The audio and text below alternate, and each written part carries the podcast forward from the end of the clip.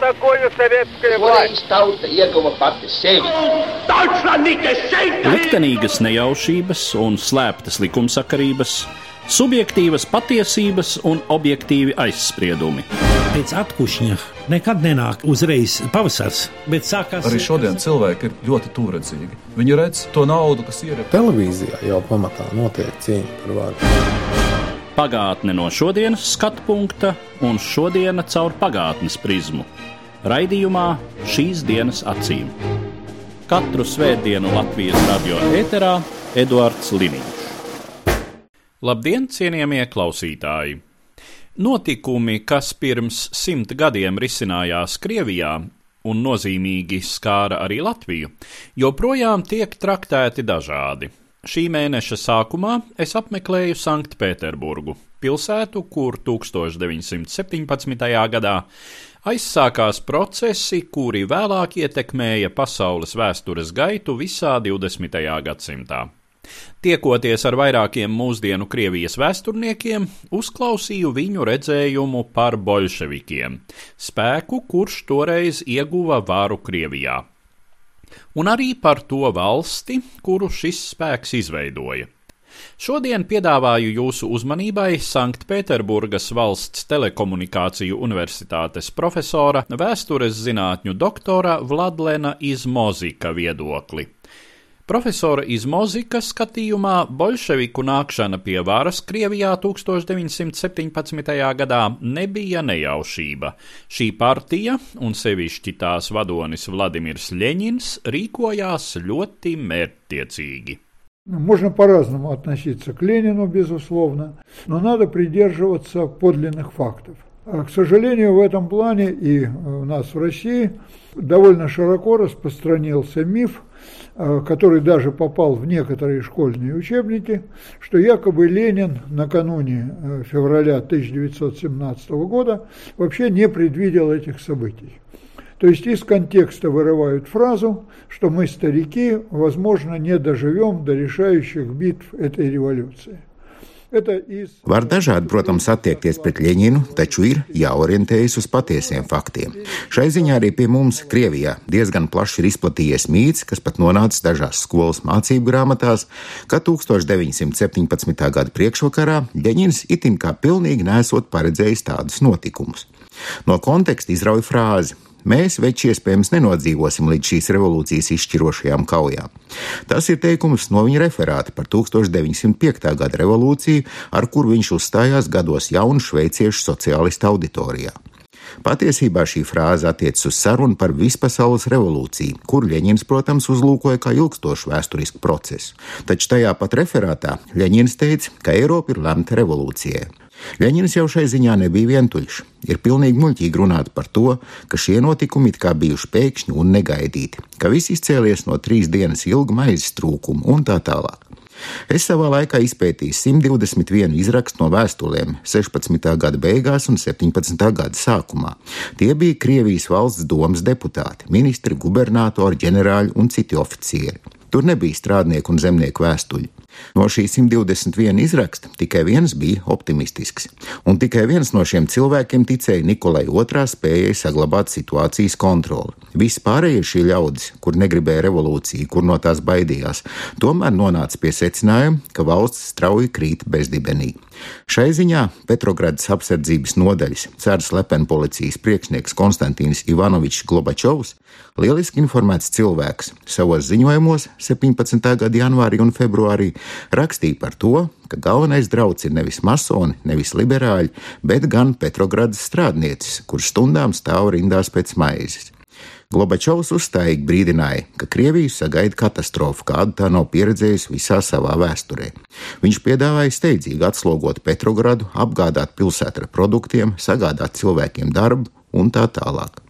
Taču šī Kasandras balss, protams, palika nesadzirdēta. Šai ziņā ir pārsteidzoši, ka 22. februārī imperators aizbrauca uz armijas virspavēlnieku mītni. Pie tam, es domāju, ja viņam tobrīd kāds teiktu, ka piecas dienas vēlāk pilsēta būs sacēlušos rokās, cārs sacītu: mīļais cilvēks, aiziet pie psihiatra. Saprotiet, visa šī mašīna nobruka vienlaicīgi, un arī pats Nikolais, pilnīgi nespējīgs valdnieks. Kad viņi vilcienu apturēja stacijā ar nosaukumu Dno, un stacijas priekšnieks paziņoja, ka viņi tālāk nelaidīs, lai brauc uz Pleskavu, ceram līdz vilcienā bija bataljons karavīri. Ja mēs šādā situācijā iedomātos Pēteru I, tas cers aizbraukt tur, kur gribētu, tikt līdz armijai, atrast uzticamus spēkus, bet te nekā tam līdzīga - pilnīga padevība liktenim. К власти приходят, да, демократы, приходит элита российской интеллигенции, безусловно, но чего ждут люди от революции? Люди от революции, как и в 1991 году, ждут улучшения жизни. Какие проклятые вопросы стояли перед страной? Война? Что делать с войной? Pie varas nāk demokrāti, Krievijas inteliģents elite, bet ko ļaudis sagaida no revolūcijas? Tāpat kā 1991. gadā, viņi sagaida labāku dzīvi. Kādi nolādēti jautājumi bija jārisina Krievijai? Jautājums par karu turpināšanu, nacionālais jautājums nomalēs, Pie tam šīs nomalas sākotnēji gribēja tikai autonomiju, un zemes jautājums, kas svarīguma ziņā būtu pat liekams pirmajā vietā. Zemnieki pieprasa zemi. Visbeidzot, ekonomikas problēma. Tauta grib, lai produkti kļūtu vairāk, bet cenas zemākas. Nevienu no šiem trim jautājumiem valdība pusgadu laikā atrisināt nespēja. Šie ļaudis būtībā piedāvāja lāpīt veco deķi. Viņi piedāvāja gaidīt satversmes sapulci, kuras sasaukšana pastāvīgi atlika, un pagaidām paciesties. Pie tam tieši pagaidu valdība ievada pārtiks repartīciju 1917. gada 25. marta likums par maizes monopolu.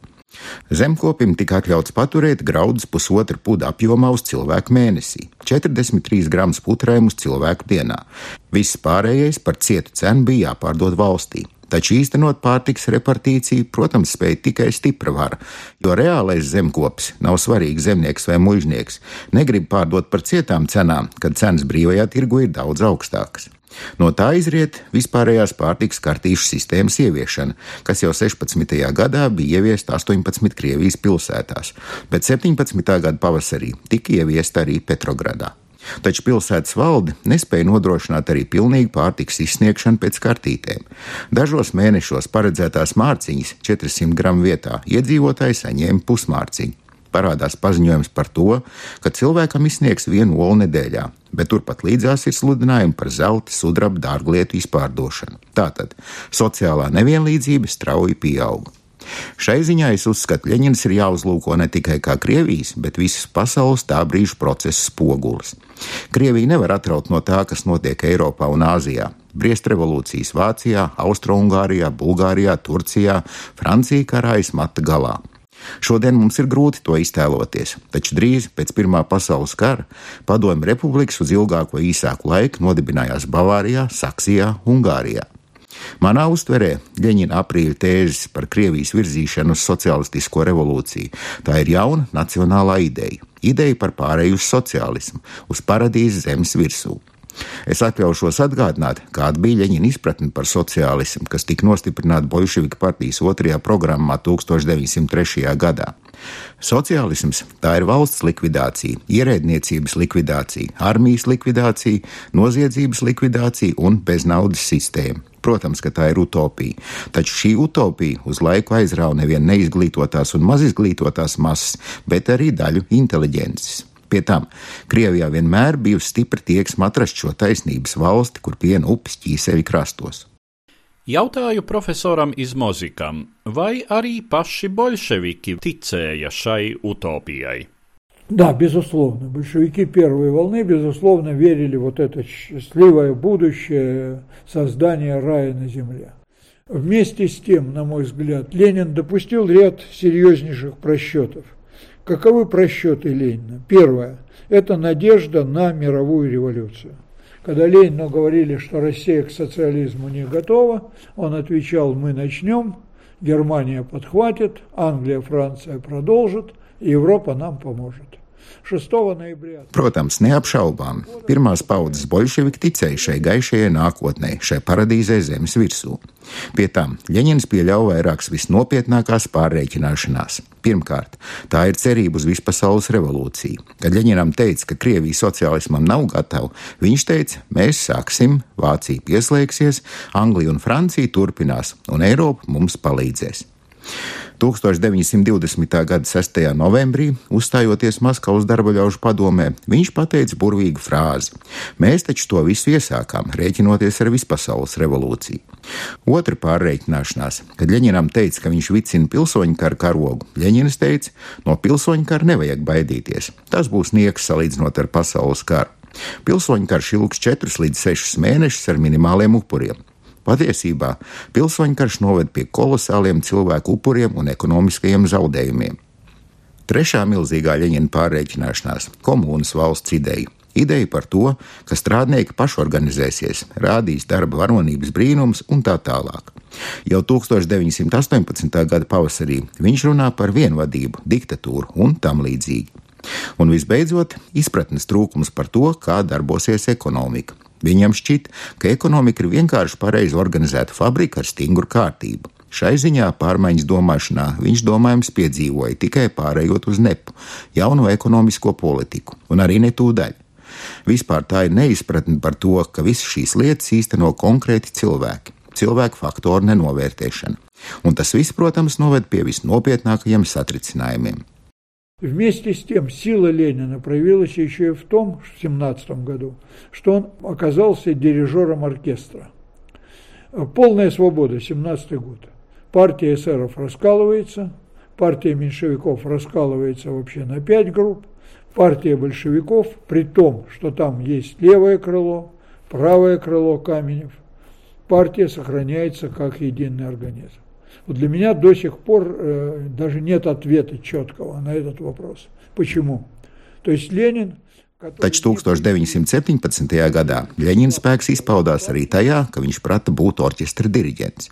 1917. gadā valdīja pilnīga brīvība. SR partija sašķēlās, Menševika partija saira piecās grupās, bet Bolševika partija, kur arī bija kreisais spārns, bija labējais spārns Kameņeva vadībā, saglabājās kā vienots veselums. Man līdz pat šim brīdim nav skaidrs atbildes, kāpēc. Ļeņins, kurš bija nesamierināms ar pretiniekiem ārpus savas partijas, partijas iekšienē pieļauj diezgan plašu viedokļu brīvību. Partijas Petrogradas komiteja bieži nepiekrīt centrāla komitejai. Ļeņins saka, ka biedriem pagaidām ir tiesības uz savu pozīciju.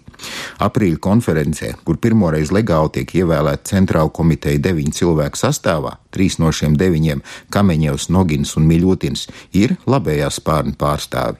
Kad vairāk deputāti uzstājās pret Kameņevu kandidatūru, viņu aizstāv neviens cits kā Ļeņins, lai gan Kameņevs šajā konferencē bija viņa galvenais oponents.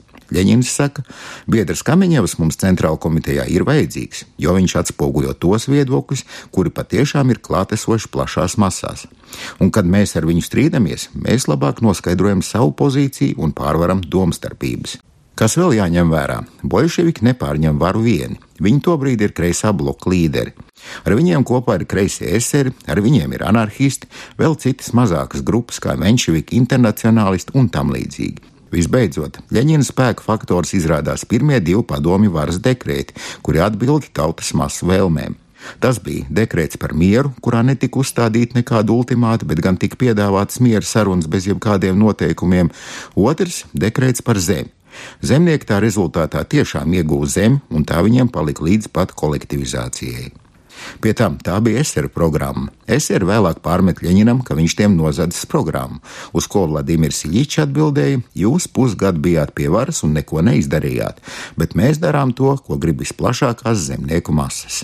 Tālāk mūsu sarunā pievērsāmies tam, kā profesora Izmozika skatījumā bolševiku sākotnējais revolucionārais romantisms pārauga tajā nežēlīgajā varas mašinērijā, kādu pazīstam no padomju sistēmas vēstures. Да, притом Ленин заявляет, что никаких органов подавления не потребуется и так далее. Но очень любопытен процесс превращения большевиков из революционеров в государственников создается ВЧК, Российская чрезвычайная комиссия, политическая полиция. Но еще в январе ВЧК обсуждает вопрос, иметь ли сексотов, секретных сотрудников. Pie tam Ļeņins paziņo, ka jebkāda represīvie orgāni jaunajai varai būšot lieki, bet ļoti interesants ir tas process, kurā bolševiki no revolucionāriem pārtop par valsts varas būvētājiem. Vispirms tiek radīta Čeka, Viskrievijas ārkārtas komisija, respektīvi politiskā policija. Vēl 1918. gada janvārī Čekā notiek diskusijas par to, vai tai būtu vajadzīgi slepeni aģenti. Revolucionāriem bolševikiem slepeni aģenti ir kaut kas amorāls, nepiedienīgs. Un tobrīd pieņem lēmumu slepenos aģentus izmantot tikai spekulācijas lietās, tikai un vienīgi. Bet jau 18. gada jūnijā valsts ārkārtas komisijas pirmajā kongresā tiek pieņemts lēmums. Slepenie līdzstrādnieki izmantojami visās sfērās, un jo vairāk, jo labāk. Jo, kā izrādās, varu noturēt var, protams, tikai ar spēku. Šai sakarā vēl viens aspekts - armija. Pirmais dekrets par armiju, kas izdots 18. gada janvārī, ierosināja veidot brīvprātīgo armiju. Lai iestātos jaunās padomju valsts armijā, pie tam vēl vajadzēja divas rekomendācijas no ārotbiedrībām. Viss šis pasākums, protams, izgāzās. 18. gada februārī Petrogradas strādnieki draudzīgi balsoja par to, ka jādod pretspars vācu uzbrukumam, bet uz fronti kaut kā nesteidzās. Starp citu, tikai vēlāk kļūst zināms, ka vācieši vispār neplāno ieņemt Petrogradu, bet tobrīd briesmas šķita ļoti lielas. Varas vājums bija nepārprotams. Sarkanās gvardas dibinātāja Dibenko vienība atrada cisternu ar spirtu, un gan cara armijas ģenerāļa Parska, gan paši Dibenko pavēles pārtraukt pēgurošanu bija pilnīgi veltīgas. Dibenko tika atcelts no amata, nodots revolucionārajam tribunālam, izslēgts no partijas un atbrīvots no bargāka soda tikai pateicoties viņa sievas, Aleksandrs Mihailovs Kolontais galvojumam. Un lūk, realitāte pusotru gadu vēlāk Dibenko Ukrainā komandē divīziju. Divīzija atkāpjas pāri upi, un pie pārceltūs ir pilnīgs juceklis. Vienlaicīgi pār tiltam mēģina tikt kainieku pulks, kavalērijas eskadrons un matrožu bruņu automobīļu divizions. Piebrauc Dibenko raitnieka pavadībā, izsauc pie sevis pulka komandieri, tas uzrodas. Dibenko nevādu neteicis, izvelk revolveri un komandieri nošauj pavēla atrast komandieru vietnieku, kuram pavēla pulku apstādināt un izvērst aizsardzības pozīcijā. Un tieši tas pats notiek ar kavalērijas eskadronu un bruņu auto divizionu komandieriem. Jā, mēs varam teikt, ka kārtība tika atjaunot nežēlīgi, bez tiesas un izmeklēšanas, bet piedodiet, karš ir karš. Kara apstākļos jebkurā armijā ir jāprot parādīt izlēmību un arī pakļaušanos. Bolševiki sāk būvēt regulāro armiju uz militārās disciplīnas pamatiem. Nevelti Trotskis īpaši apkaro karošanu ar partizāņu metodēm, un tieši Trotska nopelns ir cara armijas virsnieku izmantošana. Faktiski vairāk kā trešdaļa cara armijas virsnieku pēc tam dienēja sarkanajā armijā. Mēdz runāt par to, ka viņi faktiski bija gūstekņi, bet piedodiet, armijas vai frontes komandieris, kurš sapņo pārbēgt pie ienaidnieka, diezin vai pieņems īpaši sekmīgus lēmumus. Bet 82% padomju republikas armija un frontu komandieri bija kādreizējie cara armijas virsnieki, no Poručika Tuhačevska līdz ģenerāļiem un ģenerālleitināntiem. Sarkanās armijas virspavēlnieki bija cara armijas ģenerālštāba pulkvedis Kameņevs un pulkvedis Vācietis, viens no latviešu sarkano strēlnieku komandieriem. Šie ļaudis iestājās sarkanajā armijā dažādu motīvu vadīti, tā skaitā tāpēc, ka saskatīja padomju varā Krievijas valsts atjaunotāju. Что произвело, на мой взгляд, тяжелейшее впечатление на большевиков? Это кровавое подавление революции в Финляндии, очень жестокая расправа с красными в том числе, действительно. И стало понятно, что отступать некуда. И в этом плане э, начинается ответ. Террор гражданской войны, к сожалению, ведь он был подготовлен и условиями Первой мировой войны. Люди привыкли убивать. Kas, manuprāt, atstāja vissmagāko iespaidu uz bolševikiem? Es domāju, tā ir asiņainā revolūcijas apspiešana Somijā, ārkārtīgi nežēlīga izreikināšanās ar sarkanajiem. Kļūst skaidrs, ka atkāpšanās ceļa nebūs. Redziet, Krievijas pilsoņu kara teroru sagatavoja Pirmā pasaules kara apstākļi. Cilvēki bija pieraduši nogalināt. Mihaila Šolahova romānā Klusā Dona mēs lasām, ka Grigorijs Meļehovs ar zobenu cirtienu pirmoreiz nogalina austrieti un ir spiests apstāties un nokāpt no zirga, jo viņam kļūst nelabi. Dažus gadus vēlāk tas pats Grigorijs jau šauja cilvēks no ložmetēji, ir pieredzējis nogalināt. Nāvi cilvēku nogalināšana vairs nebaida. Šai ziņā kā sarkanais, tā baltais un zaļais terors ir vienlīdz nežēlīgi. Un es šai sakarā pēdējā laikā atkārtoju tēzi, ka visi šie karavadoņi un politiķi ir Krievijas pilsoņu kara antivaroņi.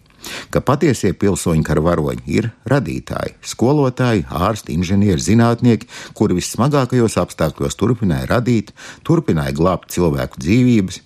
Ir pārsteidzoši, ka pilsoņu kara laikā, kad ierēģi ir maz un viņi nevarēja šādus procesus inicijēt, gan padomju Krievijā, gan Balto teritorijā, radās jaunas universitātes, institūti, pētniecības iestādes, turpināja strādāt ārsti, turpināja iznākt grāmatas. Es vispār esmu pārliecināts, kamēr mēs nesāksim celt pieminekļus nevis sarkanajiem vai baltajiem karavadoņiem, bet gan šiem patiesajiem varoņiem, radītājiem, mēs pilsoņu kara cirvi tā arī neapraksim. Mēs turpināsim mainīt vienas krāsas karavadoņus pret citiem. Manā uzskatā Tuhačevskis, Kolčeks vai Mahno ne ar ko nav cits par citu labāks. Diemžēl arī bijušās impērijas nacionālās nomalas neparādīja prasmi risināt savas problēmas kompromisa ceļā. Lietuva karo ar Poliju, Grūzija rīko asiņainus iebrukums Dienvidosetijā un Abhāzijā, Grūzija karo ar Armēniju, Armēnija karo ar Azerbaidžānu. Polija izvirzīja pretenzijas uz lielvalsts atjaunošanu 1772. gada robežās, nonākot konfliktā ar Ukrainu. Attiecīgi, neviens politiķis, manuprāt, nenes tautai patiesu brīvību un mieru. Vienīgā partija, kur es šai ziņā tomēr minētu kā izņēmumu, ir Krievijas sociāldemokrāta Menševiki. Viņu līderis Martovs 1917. gada oktobrī vērsās pie bolševikiem ar vārdiem: Jūs saucat tautu uz barikādēm, mēs saucam tautu pie vēlēšanu urnām. Taču menševiki pilnīgi izgāzās Krievijas satversmes sapulces vēlēšanās. Ja bolševiki, kur arī zaudēja, saņēma 25% balsu, tad menševiki mazāk par 5%. Un te ir problēma, kas saistīta jau ar mūsdienām. Nu jau pagājuši 26 gadi kopš sabruka padomu kompartijas vara. Taču Krievijā tā arī nav parādījusies spēcīga sociāldemokrātiskā partija, un man nav atbildes, kāpēc. Tātad, zināmā mērā, tāda ir sabiedrības mentalitāte. Eiropā sociāldemokrātiem tomēr saglabājas vairāk vai mazāk stabilas pozīcijas, ir un paliek viens no nopietniem politiskiem spēlētājiem. Diemžēl Krievijā un bijušajā padomju telpā tas nav noticis. Я рассматриваю 1917-1922 годы как единый процесс Второй российской революции. Меня выводят из себя, извините, фразы «февральская революция», «октябрьская революция», потому что это абсолютно идеологизированные понятия. Es uzlūkoju visu, kas notika no 1917. līdz 1922. gadam, kā vienotu Krievijas revolūcijas procesu. Mani piedodiet, tracina tādas frāzes kā februāra revolūcija, oktobra revolūcija.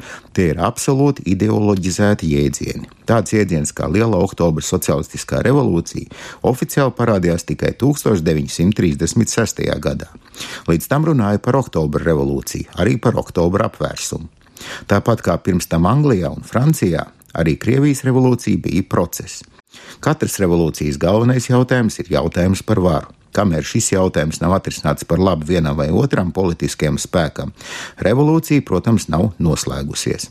Bolševiki uzvarēja, taču pēc tam viņiem vajadzēja atrisināt vairākus ļoti sarežģītus jautājumus. Vispirms, viņi rēķinājās ar revolūciju Eiropā, taču 23. gadā kļūst skaidrs, ka revolūcija Vācijā ir izgāzusies. Bija skaidrs, ka cerības uz Eiropas revolūciju jāatmet vai vismaz jāatliek uz visai ilgu laiku. No tā izrietēja jautājums, Vai bolševiku partija spēja noturēt varu valstī, kur 80% iedzīvotāji ir zemnieki, saskaņā ar marksismu terminoloģiju - sīkburžāzija, un vai šādā valstī vispār var uzcelt sociālismu? No tā izriet bailes. Mēs daudz runājam par bailēm, kuras padomju var iedzina sabiedrībā, bet daudz mazāk runājam par bailēm, kuras var daudz gadu ilgumā izjust sabiedrības priekšā. Šai ziņā ļoti zīmīgi ir notikumi, kas saistīti ar Ļeņina nāvi. Bija milzīgas bailes no stihiskas masu iziešanas ielās. Šai sakarā tika veikta ārkārtas pasākumi, visur pastiprināta apsardze, no rajoniem pastāvīgi pieprasīts atskaites. Un arī vēlākajos gados bailes no pašu iedzīvotājiem var zināmā mērā jutās kā okupētā teritorijā. Ievērojiet, čeka tā ir ārkārtas komisija, tātad pagaidu orgāns.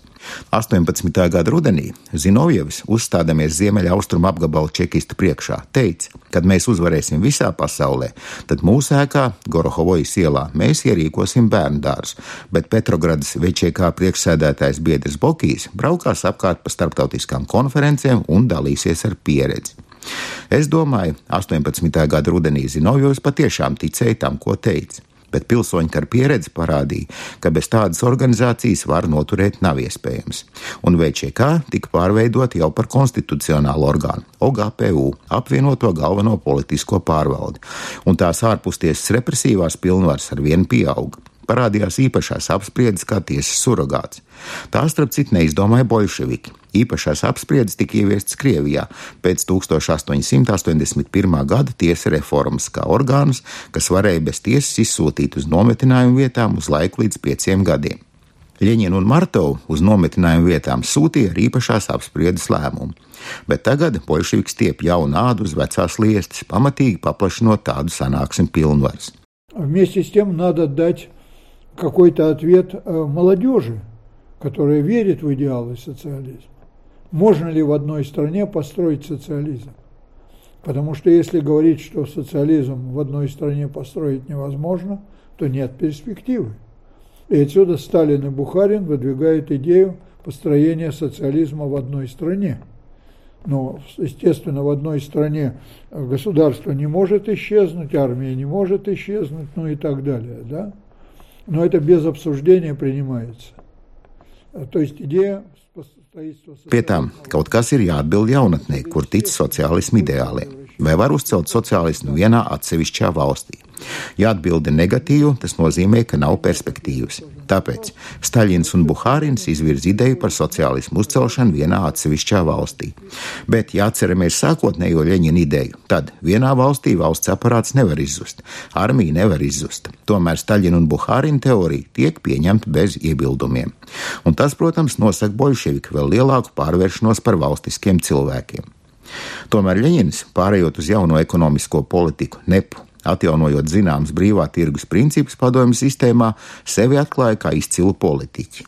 Viņš atteicās no sākotnējiem priekšstatiem, no dogmām, un starp citu, nelaiģis Bigņevs Bžezinskis, lai cik ļoti neieredzēja bolševiks un komunismu idejas, tomēr teica, ka neps 20. gados ir labākais periods visā Krievijas vēsturē.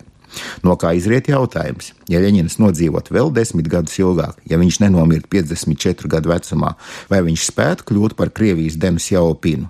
Uz to man atbildes, protams, nav. Vai neps, kad Staļins sāka tā likvidāciju ap 28. gadu, bija sevi smēlis? Es domāju, nē. Nepam bija attīstības perspektīvas, no otras puses bija arī nepa krīzes.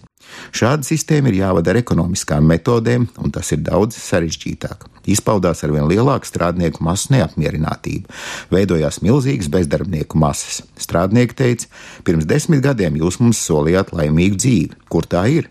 Daudz no mums joprojām dzīvo barakās un puspagrabos, kamēr inženieris atkal vizinās līniju droškā, saņem daudz lielāku algu nekā mēs.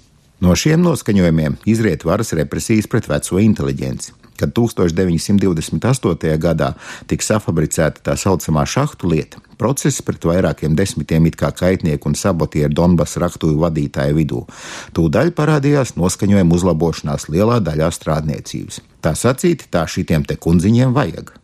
Strādniecības masas pieprasīja no varas darbu, lielākas algas, un Staļina industrializācijas sākotnējais apsolījums bija: desmit gadu laikā darbdiena būs piecas stundas, plūdīs pienu upes ķīseļu krastos, mēs veiksim lēcienu un tā tālāk. Tajā pašā laikā tiek iedarbināta varas terora mašinērija. Protams, represijas bija arī 20. gados, taču ar 1928. gadu sākās no varas viedokļa loģiska represija politika.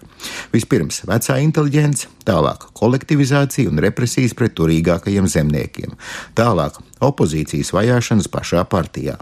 Seko īsta dāvana Staļinam, Kirova noslepkavošana, kas it kā apstiprina varas pausto, ka ienaidnieki ir ļoti daudz un tie ir ļoti aktīvi. Seko jaunas represijas, kas jau pārauga lielajā terorā 30. gadu otrajā pusē. Paralēli nostiprinās Staļina vienpersoniska vara, un turpmāk citi partijas politbiroja locekļi ar viņu strīdējās tikai saimnieciskos jautājumos, aizstāvēdam savu resoru intereses, bet ne par politiku, ne par strateģiskiem politikas mērķiem. Ļoti zīmīgi 1920. gadā Ļeņina 50. jubileju atzīmēja Maskavas partijas komiteja, Ļeņins atteicās tur braukt, uzrakstīja viņiem niknu zīmīti par šādām izdarībām. Staļina 50. jubileja 1929. gadā tika svinēta kā milzīgi visas tautas svētki. Un tomēr, kā uzsver profesors Vladlens Izmoziks, viņa skatījumā Krievijas revolūcija ir saucama par Lielo revolūciju. Революция в России, она потребовала от политической элиты, особенно европейской, да не только европейской, североамериканской, ответа. Да? Одни выбирают. Manā uzskatā Krievijas revolūcija prasīja atbildi no Eiropas un Amerikas elites. Viena izvēlas fašismu ceļu, nacismu ceļu, skarbas diktatūras, kā Horta Ungārijā. Citi izvēlas reformu ceļu, kā Lielbritānija, Francija, Rūzvelts Savienotajās valstīs. Šai ziņā es uzskatu, Krievijas revolūciju var saukt par lielu, jo ģeopolitiskajā telpā tā atstāja milzīgu ietekmi. Считаю, что можно называть эту революцию Великой революцией. Почему? Потому что она, опять же, в геополитическом пространстве оказала огромное воздействие – Līdz ar to izskan raidījums, kurā jūs iepazīstināju ar Sanktpēterburgas valsts telekomunikāciju universitātes profesora, vēstures zinātņu doktora Vladlena Izmozika skatījumu uz Krievijas 1917. gada revolūciju un tās rezultātiem. 1917. gada Krievijas revolūcijas tematikai pievērsīšos arī vairākos turpmākajos raidījumos šīs dienas acīm. Uz redzēšanos, cienījamie klausītāji! Katru svētdienu Latvijas radio viens par pagātni sarunājas Eduards Līniņš.